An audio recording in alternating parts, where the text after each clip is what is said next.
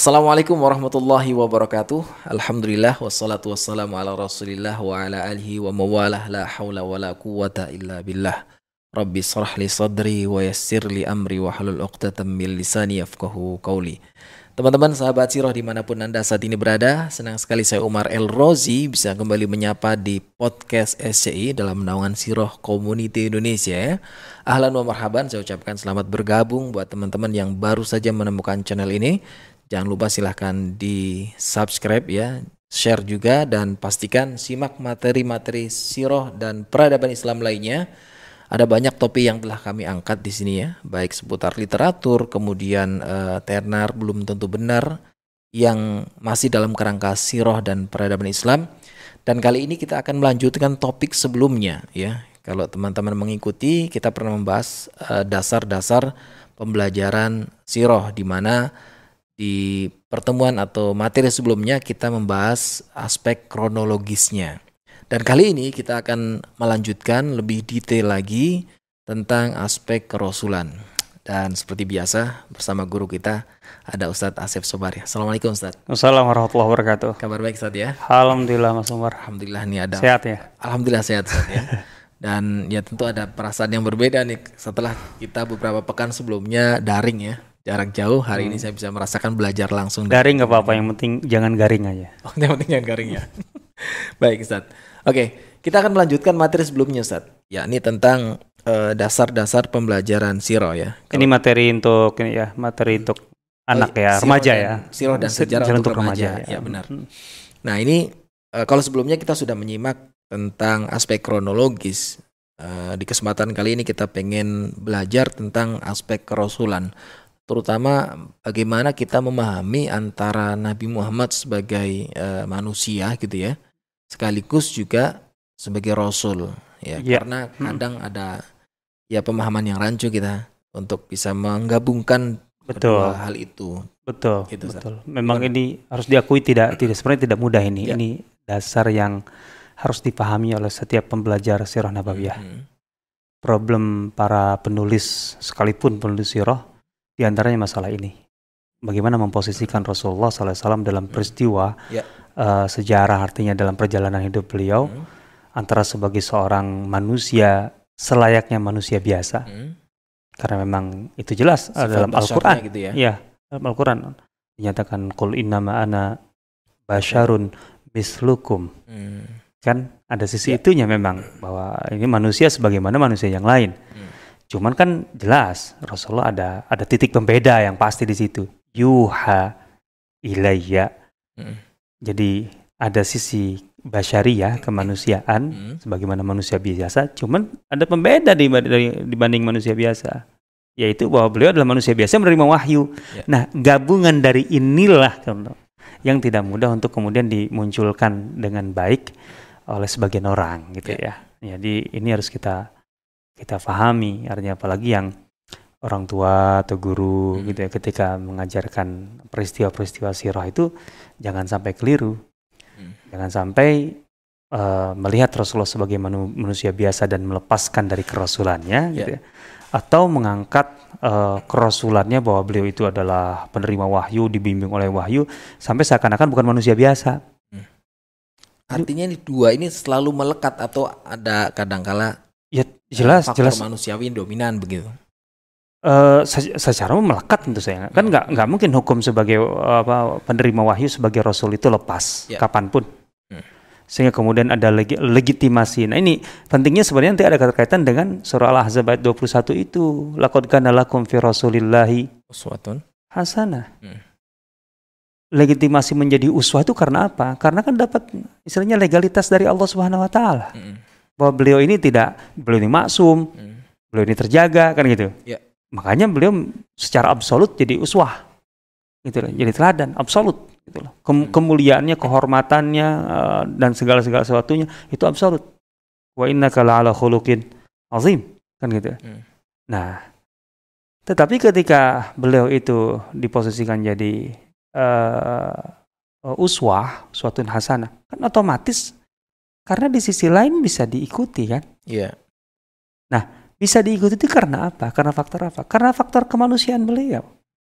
Artinya sebagaimana kita, gitu manusia, kita bisa mengikuti. Kita tidak di posisi beliau sebagai rasul, ya. tapi kita bisa meneladani. Ketika Allah mengangkat beliau menjadi teladan uswatun hasan, itu artinya kita itu bisa meneladani. Kenapa bisa meneladani? Karena ada kesamaan sebagai sama-sama manusia, hmm. kan gitu. Artinya kalau kita mencabut Rasulullah SAW dari kemanusiaannya, hmm. gitu ya, ya kita tidak akan bisa meneladani dong. Ada syariat yang mustahil dikerjakan. Ya pak kita, gitu intinya ya. gitu kan. Nah, itu ya. ya. ya. Tapi kalau kita juga hanya menempatkan Rasulullah SAW sebagai manusia yang menerima uh, apa namanya uh, sebagai manusia biasa saja tanpa ya. tanpa wahyu gitu loh, hmm. tanpa wahyu atau tanpa ada legitimasi dan legalitas dari Allah langsung, hmm. Nggak akan kena sebagai uswah. Artinya tidak akan ada uh, penjiwaan yang kuat bahwa beliau adalah teladan kita karena sebagaimana orang-orang Quraisy kan hmm. ketika menolak kenapa kami harus beriman gitu ya uh, kepada yang disebut Rasul kan dia adalah uh, apa bashar seperti kita masih berjalan di pasar. Nah ya itu dia kan di situ. Jadi mereka merasa karena mereka mem memisahkan hmm. uh, kebasyariahan Rasulullah kemanusiaan Rasulullah dari kerasulannya kan libasharin libasyara ini kalau dalam ayat yang lain itu ya. Hmm mislina dalam Nabi sebelum Rasulullah SAW. Begitu juga Rasulullah. Uh, apa namanya? Uh, ya ta'am wa yamshi fil aswaq. Ya kalau masalah makannya, bahwa yang dimakannya masih sama roti gitu. Hmm. Terus kemudian kenapa dia tidak apa namanya tidak memiliki istana yang betul-betul megah yang tidak pernah terbayang apalagi di tengah padang pasir gitu yang ada uh, air mancurnya atau gimana? Kenapa harus berdagang kayak kami? Hmm. Artinya masih butuh juga untuk transaksi kalau memang dia utusan akan itu. Di sini masalahnya. Itu tipenya Quraisy ya? Eh iya, itu orang-orang artinya orang-orang yang menafikan sisi atau yang memisahkan iya. intinya. Ya. dari dari dua ada sisi. juga Zat. Iya. Tipe-tipe orang hari ini mengatakan misalnya ya jangan ngikutin Rasul lah, dia kan Rasul gitu. Nah itu karena keliru di awal. Ya. Artinya bahwa Rasulullah SAW itu bisa diikuti justru. Hmm. Memang Rasul itu di, di, di, ditempatkan oleh Allah sebagai teladan kok. Jelas kok. Clear itu lakad lakan lakum fi Rasulillahi uswatun hasanah. Bahkan memang harus. Kalau tidak kita tidak meneladani Rasul, meneladani siapa? Nah, itu dia. Itu. Repot kalau disuruh meneladani malaikat Jibril misalnya saat ya. Repot dia. Hilang gitu ya bukan masalah itu aja kan saya bilangnya. Artinya kan kalau malaikat Jibril nggak pernah cekcok dengan bininya kan, uh. kan gitu. Kalau Rasulullah kan yeah, pernah, yeah. Yeah. kan gitu. Artinya ada gesekan. Kalau kalau Jibril mah kan nggak tahu kita gitu kan. Yeah. Nanti repot cara ngambeknya kan, hmm. susah gitu ya. Cemburunya kan susah itu gitu loh. Yeah. Uh, kalau diikuti kayak gitu, gitu. ya banyak lah. Gitu. Belum okay. belum lagi gelisahnya gimana gitu kan. Rasulullah kan ada ada ada ada ada rasa emosi istilahnya ya, ada apa gitu ala hal gitu ya. Oke. Okay. Ya jadi ini menjadi penting banget ya untuk kita bisa memahami antara dua konsep itu. Rasul sebagai bashar eh, sebagai manusia tadi sekaligus juga Rasul ah, ah. sebagai ya. ya pemberi salah gitu Ustaz. Ya, dan ini akan keterkaitan dengan mukjizat juga. Hmm. Karena sebagaimana Rasul ya pasti ada mukjizat ya. kan. Nah, itu kita memahaminya gimana uh, apa yang memposisikan mukjizat dalam peristiwa sejarah kan gitu, hmm. kan gitu. Nah, Ya Bismillah lah kita Baik. coba kita gali ya, ya gitu ya. Uh, kita harus menyadari dari awal berdasarkan tentu saja berdasarkan kronologi sirah kita tahu gitu ya. Hmm. Bahwa uh, kerasulan itu kan anugerah. Artinya Allah yang memilih. Hmm. Bukan proses manusiawi. Manusia nggak bisa melatih diri untuk menjadi rasul tuh nggak bisa. Nggak akan mempan dari awal kan. Nah, ketika uh, seorang rasul itu dipilih oleh Allah kan itu. Allahu a'lamu haitsu yaj'alu risalata. Allah yang lebih hmm. tahu siapa yang akan mendapatkan kerasulan itu kan. Artinya Allah yang memberi. Maka status kerasulan bahwa seseorang itu menjadi rasul hmm? dan juga risalah yang diembannya yeah. itu pesan dari Allah, misi dari Allah gitu. Yang itu untuk sebagai uh, apa pedoman untuk seluruh umat manusia yang harus di diajarkan gitu ya, dijalankan, diajarkan oleh Rasul gitu ya kepada seluruh manusia. Uh, dari awal ini tidak bisa dilepaskan. Keberadaan Rasul karena memang Allah yang mengangkat, Allah menunjuk. Dan tentu saja karena ada ada risalah yang diberikan, gitu ya. Ada petunjuk, ada pedoman, ada uh, pesan dari Allah gitu ya, yang uh, menjadi beban tanggung jawab Rasul itu. Maka ketika seseorang itu menjadi Rasul, hmm? sejak diangkat menjadi Rasul, maka seluruh kehidupannya sampai meninggal, gitu, itu punya punya bobot ini kan, punya bobot kerusulan gitulah. Ya. Tidak bisa dilepaskan itu yang saya katakan tidak bisa dilepaskan dari kemanusiaannya gitu loh. Gak ada masa kemudian Rasulullah SAW itu apa namanya uh, terpisah dari kerasulannya hmm. secara ekstrim gitu ya. Yeah. Enggak gitu ya. Kecuali kalau kita melihatnya dari semacam ya kasus-kasus yang menjadi eh, pilihan-pilihan gitu lah. Artinya mau melakukan apa gitu. Hmm. Yang sifatnya kasuistik gitu ya. Yeah. Tidak terkait dengan tugas kerasulannya secara umum ya itu bisa manusiawi. Itu mudahnya contohnya gitu ya. Dalam apa namanya dalam uh, uh, perang Badar. Ya. Rasulullah itu kan mau menempatkan pasukan tadinya di belakang sumur gitu ya. Uh, ya di belakang kebun, di hmm. belakang kebun hmm. gitu ya. Nah, ini ini murni pilihan Rasul dan berarti tidak terkait dengan tugas kerasulan bahwa Allah tidak tidak menetapkan sebagai tugas kerasulan untuk hmm. menempatkan pasukan di belakang atau di depan gitu loh. Ini puluhan beliau. Ini betul kemanusiaan. Makanya seorang sahabat waktu hmm. itu uh, bertanya gitu, Hubab bin Mundir itu, Ya Rasulullah, apakah keputusanmu untuk menempatkan pasukan di belakang kebun itu itu petunjuk dari Allah, itu atas petunjuk dari Allah, atau semata-mata itu adalah uh, pilihanmu gitu loh. Artinya bukan petunjuk dari Allah, tidak ada di situ. Kata Rasulullah ini pilihanku. Sila ijtihad lah gitu ya uh, kata sahabat yang beradab ini, Hubab bin Mundir ini, ya Rasulullah, kalau boleh aku memberikan usulan. Apa itu usulanmu? Tidak di sini ya Rasulullah. Nah, di mana? Di depan ya Rasulullah. Nah, sekarang yang penting kan tinggal masalahnya argumentasinya apa? Kan gitu. Hmm. Dia memberikan argumentasi. Ini perang ya Rasulullah. Ketika perang berkecamuk, semuanya akan bergantung kepada air. Siapa yang menguasai air, itu akan bertahan lebih lama kebun di depan kita. Artinya bisa dikuasai oleh kita dan bisa dikuasai oleh lawan. Kita pastikan semua sumur kita yang kuasai. Artinya ketika dibutuhkan, maka mau tidak mau mereka akan mengejar sumur yang kita kuasai dan kita bisa menghabisi mereka. Kapan pun dengan begitu. Rasulullah terima. Nah, ini maksud saya, kalaupun kalaupun dikatakan tadi. Tapi kalau secara umum kan nggak bisa ada apa namanya pemisahan gitu ya hmm. uh, antara status beliau sebagai manusia biasa dan sebagai rasul gitu. Artinya bukan pakai pakaian dicopot yeah. dipakai gitu kan. Nggak gitu analoginya. Nah, uh, artinya sekali lagi secara umum kita bicara garis besar bukan kasus per kasus tadi ya, yeah. garis besar. Maka apa pun yang dilakukan Rasulullah SAW sepanjang uh, hidup beliau setelah diangkat menjadi Rasul, setelah menerima ikra bismi rabbikal khalaq, itu dalam uh, kapasitas beliau sebagai Rasul kan. Ya dasarnya kan begitu gitu ya. Artinya keteladanan juga dimulai dari turun wahyu risalah tadi atau dari ya, sebelum nah, lahir pemuda segala macam. Kan keteladanan itu ada yang sifatnya uh, terkait dengan hukum ya. gitu ya, dengan syarak gitu. Tapi kan ada yang uh, hanya semata nilai. Kalau semata nilai bisa kita tarik bahkan oh. uh, dari sejak sebelum kenabian itu bisa gitu ya. Kejujurannya gitu ya. Wah, apalagi kalau itu ya. itu mah itu mah dasar uh, mutlak. Contohnya masalah apa namanya uh, uh, pendidikan yang yang uh, atau pertumbuhan di lingkungan yang sepenuhnya bisa dikatakan mendukung uh, perkembangan fisik dan mental yang lebih bagus. Hmm. Kan beliau berada di uh, Badiah kan, tidak di kota kan yeah. di ya. situ. Itu kan penting sebenarnya. Bukan masalah Badiah dan kotanya itu tidak bisa kita ciptakan apalagi di Indonesia. nggak ada Badiah gitu. Sebagaimana kota kita bukan kota di masa itu. Tetapi bahwa uh, seorang anak tumbuh, terutama yang kita sebut dengan balita ya di bawah ya. lima ya. tahun, itu membutuhkan lingkungan yang bisa dikatakan sebisa mungkin gitu ya, uh, steril dalam arti uh, mendukung perkembangan fisik, mental dan sebagainya dan bahasa yang lebih ya. bagus karena penting di situ gitu, aspek itu semua gitu ya. Nah itu Rasulullah mendapatkan itu. Ya dan seterusnya seterusnya lah okay. nanti panjang di situ kita.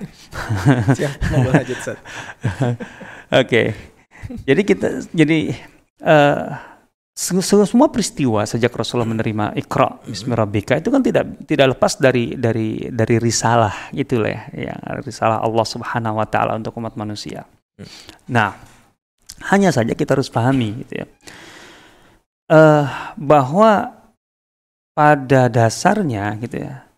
Uh, posisi Rasulullah sebagai rasul yang tentu saja rasul sini kan artinya dibimbing oleh wahyu kan. Hmm. Gitu ya. Itu bukan berarti wahyu itu menjadi arahan yang sifatnya selalu teknis bahkan jarang uh, teknis dalam arti menjadi petunjuk pelaksanaan dari setiap aktivitas sampai detailnya gitu loh gitu loh hmm. dalam arti begini aktivitas Rasulullah itu secara teknis enggak sepenuhnya diarahkan wahyu gitu. sehingga Rasulullah tinggal menjalani gitu loh yeah. bahwa apa pun yang dilakukan oleh beliau itu karena memang uh, diarahkan oleh Allah dari langit. Oh enggak. Artinya Rasulullah bukan boneka dalam hal ini artinya. Gitu loh. Rasulullah manusia hmm. yang punya pilihan-pilihan, yang punya kehendak, yang punya uh, apa namanya pemikiran, yang punya opsi-opsi dan sebagainya. Gitu loh. Bahkan memang justru justru kesempurnaannya di situ.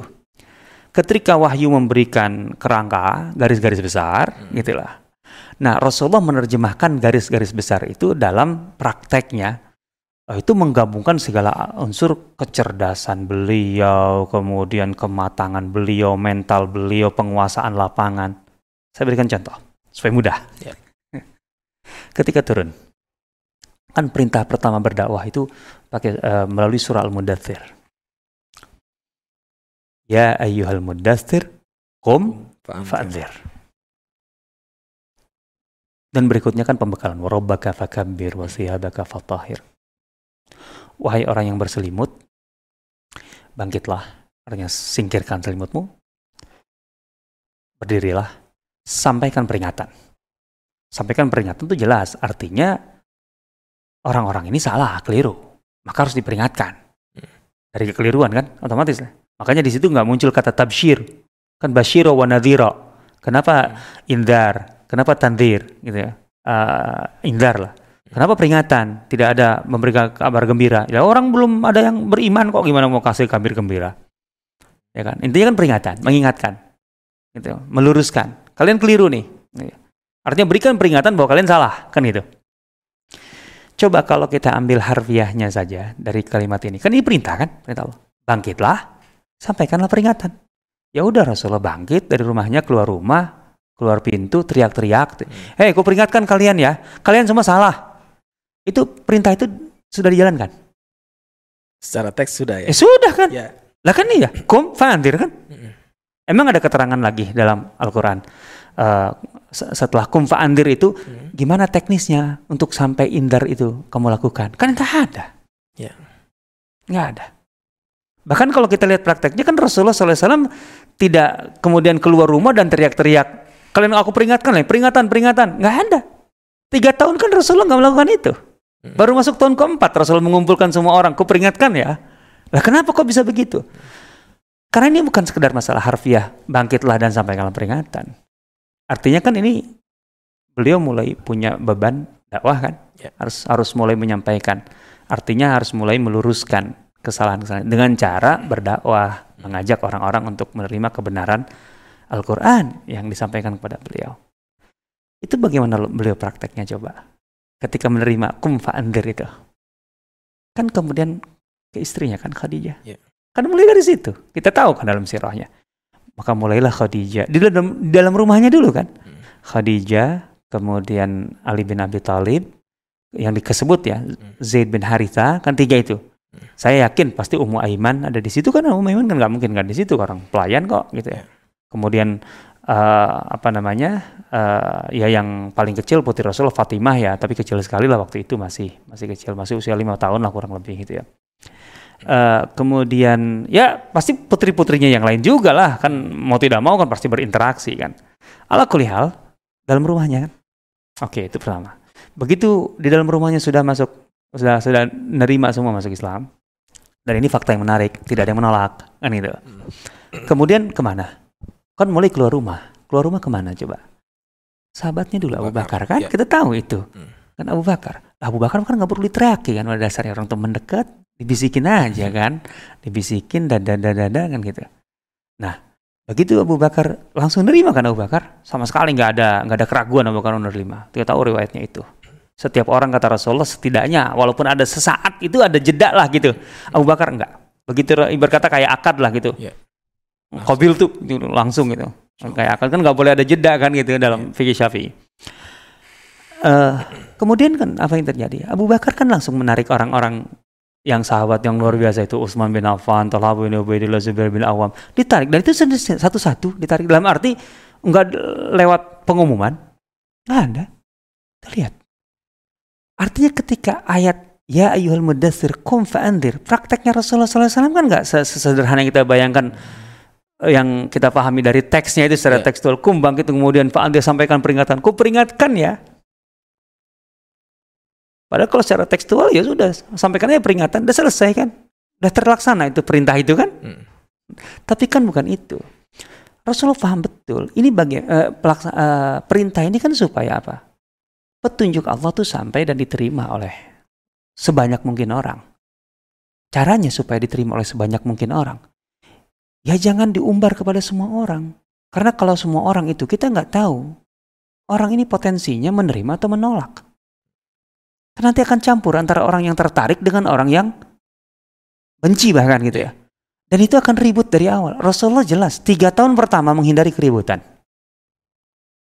Dalam arti apa? Rasulullah tidak menyampaikan dakwah kepada orang yang berpotensi menolak. Coba kita baca buku sirah semuanya. Ada nggak di tiga tahun pertama, gitu ya? Orang yang diajak Rasulullah SAW kemudian jadi ribut. Coba baca buku sirah. Tiga tahun pertama loh sebelum Rasulullah naik ke sofa? Gak ada.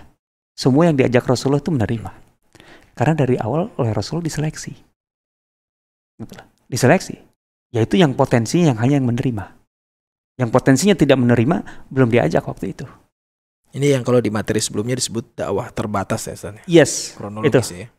Persisnya itu. Ini kan penerjemahan dari kum fa'anzir. Ya. Nah, kita harus pahami di sini. Ini perintah Allah loh, kum fa'anzir. Ini jelas wahyu. Dari situlah Rasulullah punya legitimasi untuk mulai bergerak kan? Karena dapat perintah. Karena sebelumnya ketika Iqra bismi rabbika Rasulullah kan masih bingung. Ini hmm. apa-apaan ini? Kan kita tahu. Ya. Masih bingung. Ini maksudnya apa? Sampai nanya-nanya konsultasi kan itu. Karena belum ada kepastian ini maksudnya apa. Ketika ada perintah kum fa'andir, faham udah.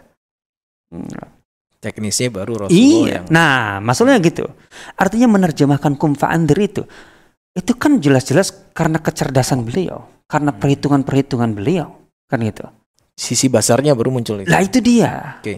Nah itu dia. Rasulullah itu pembaca fenomena yang sangat cerdas dan jenius sekali gitu loh. Hmm.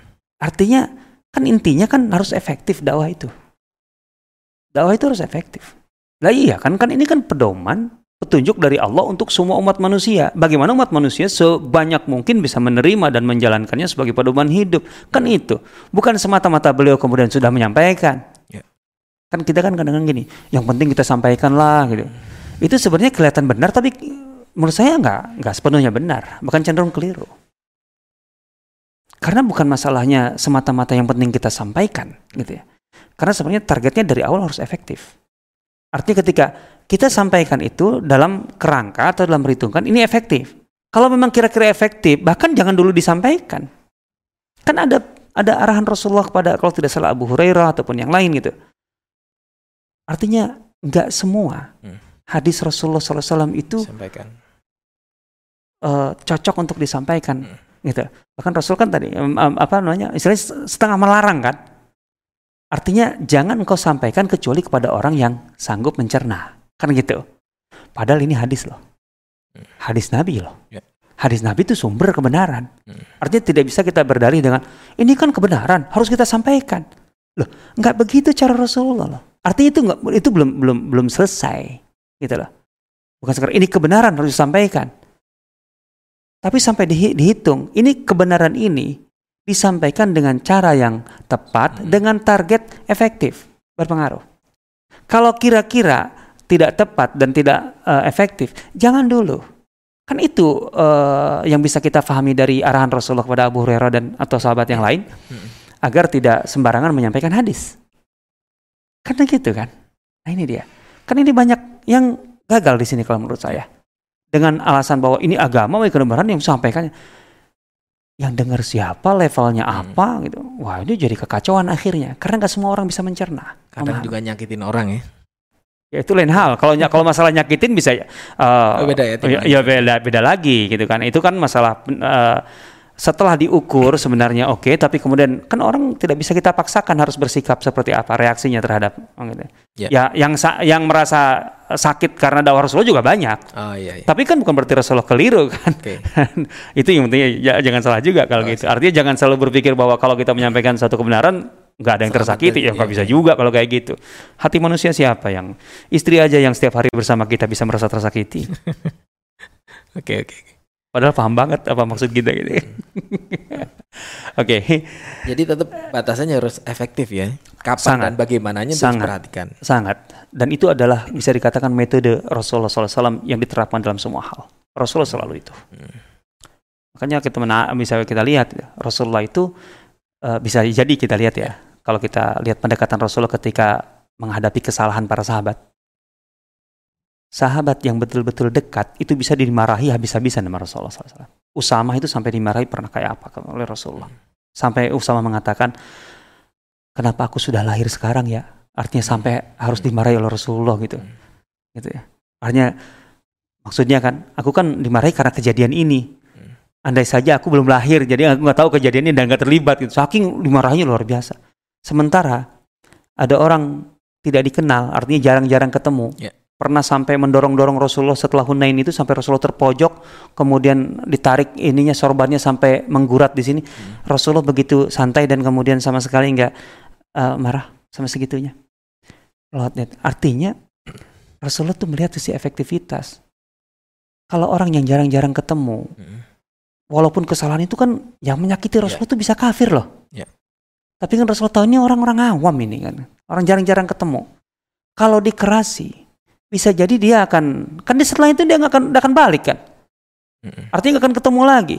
Bisa jadi tidak menerima dia. Dan itu kan sulit untuk diperbaiki. Sementara orang yang sudah dekat, sudah dekat, setiap hari ketemu, Rasulullah tahu. Kalau dia dimarahi, dia akan justru akan lebih eh, mudah untuk memperbaiki diri.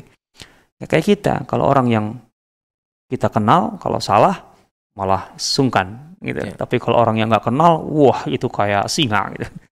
itu secara nggak sesuai sunnah itu, nggak nyunah. Itu. Nggak nyuna ya. Kita kembali ke itu. Oke. Jadi eh, Rasulullah SAW itu eh, dibimbing oleh wahyu betul, Hmm. secara garis besar. Hanya dalam hal-hal tertentu yang secara teknis itu Rasulullah diarahkan langsung. Yang jelas dalam surah An-Nisa terkait dengan pembagian warisan itu kan memang sangat-sangat detail, jelas di situ. Rasulullah sampai menyebut angka. Ini dapat berapa? Yusikumullah fi auladikum lidzakari mislu hadzal unthayain.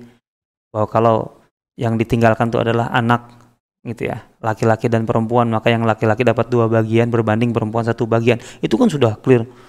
Eh, wa in kan wa in wa in wa in kan kalau kondisinya begini maka dapatnya segini kalau dapat begini dapatnya segini kan clear sekali ada sepertiga dua per tiga ada seperenam seperdelapan clear kan gitu ya tapi yang kayak gini kan ya hampir berkata ya hanya dalam kasus ini. Yang lainnya kan nggak kerangka besar. Nanti di lapangan Rasulullah SAW bahasa kita berinovasi berkreasi kan gitu. Dan itu menggunakan eh, apa namanya kapasitasnya itu kejeniusannya kecerdasannya dan seterusnya seterusnya. Ini menarik di sini. Nah makanya kita kemudian jadi jadi eh, beralasan kuat ketika apa namanya eh, meneladani Rasulullah SAW itu bukan sesuatu yang mustahil. Gitu ya. Karena pertama wahyu itu bagi kita pun juga mengikat berlaku kan gitu. Kedua kita punya contoh yang sangat konkret gitu ya. Bagaimana Rasulullah SAW dalam tanda petik istilahnya bermain gitu ya di dalam kerangka wahyu itu gitu lah. Dan di situ kan ada kalanya pilihan Rasulullah pun juga eh, katakanlah tidak sepenuhnya eh, berhasil karena faktor bisa jadi kan karena kalau itu sebuah tindakan bersama kolektif kan tidak bisa dong semuanya dibebankan kepada Rasulullah kan berhasil atau tidaknya contohnya di Uhud Ya. Kan di Uhud Rasulullah sudah mengatur nah, hmm. semua perencanaan Rasulullah itu kan kalau bahasa dari bahasa manajemen itu efektif. Artinya sampai pada tahap apa? Menang. Perencanaan Rasulullah itu selalu begitu loh. Perencanaan Rasulullah itu menang. Itu yang di Uhud. Sekarang pertanyaannya, ada nggak ayat dalam Al-Quran yang mengarahkan Rasulullah bagaimana untuk menerapkan strategi perang tempur di Uhud? Kan nggak ada. Nggak ada. Dari awal Rasulullah musyawarah. Rasulullah kan awalnya opsi beliau itu di dalam kota. Hmm. Tapi yang lain menolak, maka keluar. Kan itu artinya nggak ada wahyu. Kalau ada wahyu kan nggak mungkin ada musyawarah. Yeah. Oh iya dong, ini jelas. Kalau ada wahyu nggak mungkin musyawarah. Hmm. Bukan wahyu bukan untuk dimusyawarahkan kan gitu. Itu udah ketetapan Allah Subhanahu Wa Taala dan Rasulullah SAW memang masuk di, di, di sini di, di ke kemanusiaannya itu kan tadi. Hmm. Artinya sehingga pendapat beliau sama dengan pendapat yang lain. Pendapat beliau bahkan nggak kalah kan di sini, dikalahkan. Dan Rasul menerima, oke, okay, kita keluar. Tapi ketika keluar, Rasulullah nggak kebingungan. Opsi beliau kan di dalam kota. Ketika keluar kota, beliau nggak kebingungan untuk memenangkan. Bisa memenangkan. Menerapkan strategi A, B, C, D. Salah satunya adalah para pemanah yang 50 orang itu. Karena itu adalah uh, titik paling lemah dari pasukan muslim, sayap kiri di Uhud itu. Kalau kita berada di Uhud, saya bisa tunjukkan itu. Itu nah, titik lemahnya itu. Nah, sementara yang dihadapi di sana Khalid bin Walid dan Rasul tahu kapasitas Khalid. Nah, dengan 50 pemanah sebenarnya itu sudah cukup bagi Rasulullah SAW untuk uh, menghentikan Khalid, gitu ya. Asal mereka betul-betul memegang semua arahan Rasulullah.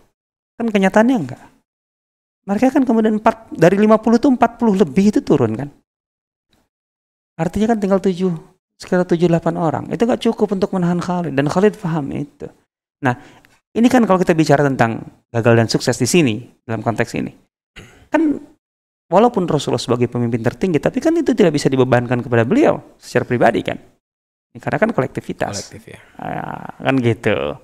Jadi masalahnya ini adalah masalah sunatullah dalam kolektivitas. Gitu loh. Ini berlaku sampai untuk Rasul pun berlaku gitu loh. Hmm. Artinya ketika uh, urusannya urusan uh, kolektivitas gitu ya. Walaupun ada Rasul di situ gitu loh. Hmm. Nah, maka uh, apa namanya? kegagalan dalam membangun soliditas gitu ya. Kolektif itu dan itu adalah itunya pelanggaran terhadap sunatullah gitu. Ya semua mendapat dampaknya termasuk Rasulullah SAW. Kita tahu kan uh, kepala beliau bocor, gigi beliau gigi. patah, kemudian pelipis beliau juga berterluka.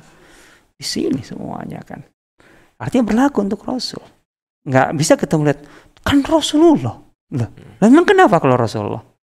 Kan gitu. Kan ini bukan bukan bukan ketetapan wahyu dari awal kan? Nah kan gitu loh. Nah gitu. Kemudian kalau kita kaitkan dengan Kan ada mujizat gitu. Nah ini dia, kita harus jangan salah memahami mujizat. Mujizat itu tidak terkait dengan uh, urusan-urusan teknis gitu. Artinya menentukan peristiwa enggak gitu ya. Mujizat itu pada hakikatnya, maka para ulama kita tuh menarik ya ketika para ulama kita menyebut mujizat itu sebagai dala, uh, dalail. Sebagai dilalah, dalail. Dalail itu artinya pembuktian yang membuktikan kebenaran seseorang itu sebagai utusan Allah nih dengan mukjizat ini.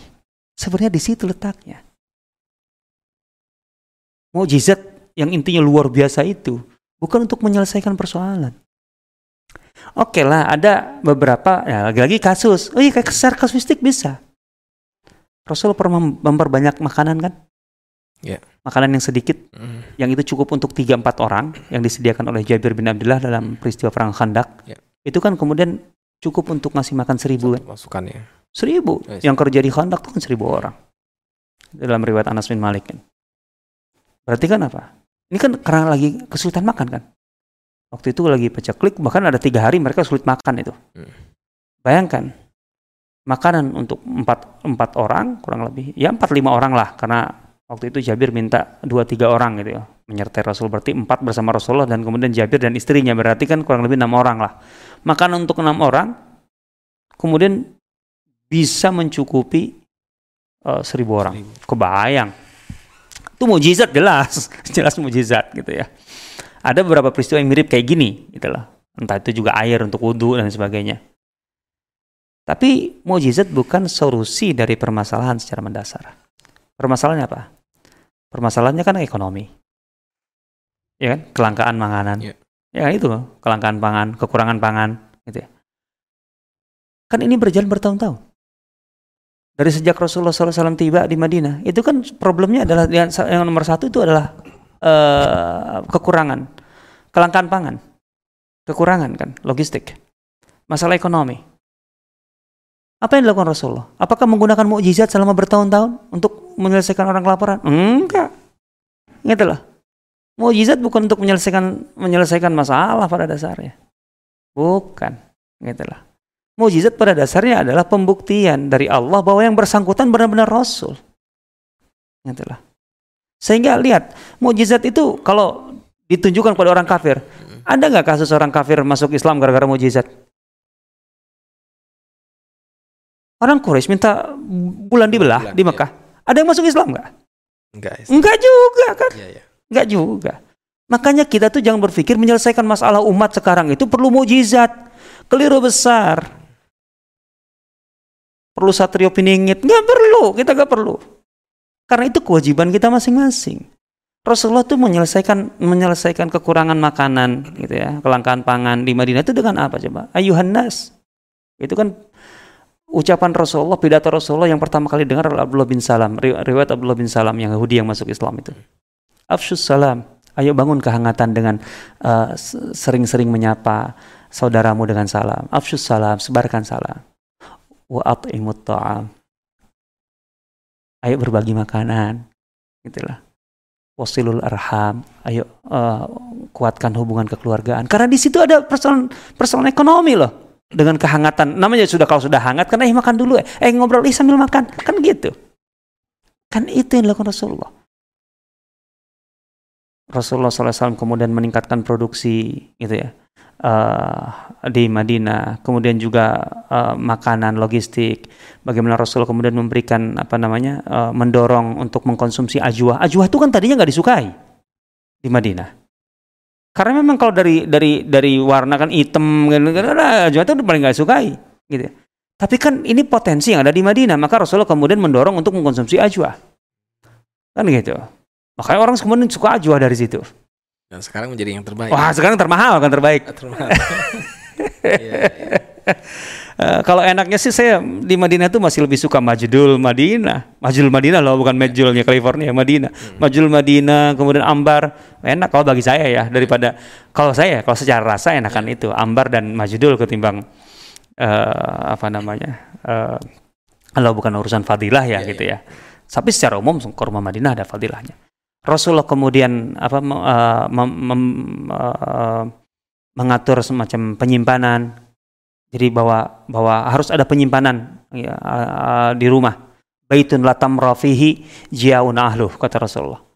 Harus ada yang disimpan, jangan sampai nggak ada yang disimpan. Rumah yang di dalamnya tidak ada simpanan kurma maka akan terancam kelaparan anggota keluarga itu. Karena itu artinya masalah penyimpanan tuh. Terus kemudian uh, Rasulullah menolak orang Ansor menyerahkan lahan kepada muhajirin itu kan juga bagian dari cara Rasulullah untuk menjaga stabilitas produksi oh. karena kalau muhajirin yang mengelola tanah bisa ancur-ancuran orang pedagang disuruh bukan berkebun ahlinya, ya? bukan ahlinya yeah. belum lagi Rasulullah kemudian membangun pasar kan hmm. nah ini semua kan untuk meningkatkan ekonomi bukan mukjizat hmm. nah ini pahami dengan baik di sini saya rasa kalau kita kita memahami aspek ini belum lagi kalau kita bicara lebih yeah. jauh gitu ya termasuk nanti di, uh, kita bicara tentang jihad Jihad itu memang perang. Tapi ketika perang itu dalam kerangka risalah, itu bukan semata-mata kekerasan, bukan semata-mata apa namanya melibas lawan, memusnahkan uh, musuh, bukan. Jihad bukan memusnahkan musuh dari awal. Dalam Islam musuh yang disebut musuh itu pada dasarnya adalah mad'u, adalah objek dakwah. Lah kalau dasarnya adalah memusnahkan, lah terus siapa yang akan didakwahi kalau begitu. Jadi nggak bisa kita memahami jihad gitu ya. Dalam hal ini jihad militer ya, ya. peperangan dalam konteks atau dalam konsep peperangan di luar risalah Islam. Sehingga kalau jihad itu adalah kekerasan radikalisme sebagaimana konsep peperangan pada umumnya, yang nggak masuk karena ini bagian dari risalah. Kita tidak memasukkan unsur ini, Anda keliru. Sehingga kemudian nanti penyebaran Islam itu bukan kolonialisme, bukan ekspansi dalam arti ekspansi semata-mata kekuasaan, itu bukan pendudukan, itu bukan uh, imperialisme. Berbeda karena ada risalah itu. Gitu loh. Nah ini saya rasa perlu ya. pendalaman sih ya masalah ini secara secara khusus. Tapi secara umum kalau kita melepaskan aspek risalah dari aktivitas uh, Rasulullah SAW dan para sahabat uh, dan kemudian umat Islam secara umum gitu ya. Tapi kita sedang membatasi di ini ya di masa uh, ini. Ya kita akan banyak keliru memahami Islam. Wallahu taala Masya Allah. Dan ini berlaku di banyak aspek memang saat ya, termasuk hijrah perintahnya. Semua. Hijrah, iya. Apa bedanya? Iya. Makanya kita membutuhkan, kalau menurut saya sekarang, apalagi artinya kan dalam konteks hmm. uh, tantangan kita hari ini, bisa menampilkan buku sirah yang uh, memunculkan aspek itu. Islam sebagai peradaban risalah. Jadi nggak nggak nggak keliru memahami Islam bahwa dia masuk dalam semua aspek kehidupan sebagaimana yang berjalan dalam setiap masyarakat gitu. tapi dengan basis risalah dan dalam kerangka risalah baik buruknya nanti di kemudian hari kita masuk ke daulah-daulah itu ditentukan dari sini untuk Bani Umayyah dan sebagainya kan kita bisa ukur berdasarkan uh, mereka sesuai dengan idealisme risalah atau tidak kan di situ jadi nggak kita punya parameter dari situ untuk mengukur dengan mudah baik Insyaallah cukup sepertinya saat ya Nanti kalau lanjut kita ya. tambah, tambah ngebul kayaknya. Eh jangan deh. Cukup dulu lah segini lah. Oke. Okay. Ya. Jasa ya. Ustaz ya. Iya. Dan teman-teman sahabat Siro ya, ini tadi ya sebagai lanjutan dari dasar pembelajaran Siro ya. Kalau kita sebelumnya uh, ada baiknya memang kita harus menyimak materi sebelumnya tentang uh, aspek kronologis hmm. agar topik ini semakin ya pas lah ketika hmm. kita mempelajari aspek kerasulan dan risalah itu sendiri hmm. yakni memahami secara utuh Nabi Muhammad sebagai uh, seorang manusia yang memang layak jadikan dan memang teladan begitu ya. Sekaligus juga Nabi Muhammad sebagai pembawa risalah atau kerasulan. Sepertinya kita akan akhiri sampai di sini ya. Mudah-mudahan kita bisa kembali melanjutkan topik seputar dasar-dasar pembelajaran sirah ini dari aspek yang lainnya saja ya. Insyaallah. Oke. Mudah-mudahan ada faidah dan akhirnya saya dan narasumber undur diri. Subhanakallahumma bihamdika. Asyhadu an la ilaha illa anta astaghfiruka wa atubu ilaik. Assalamualaikum warahmatullahi wabarakatuh. Waalaikumsalam warahmatullahi wabarakatuh.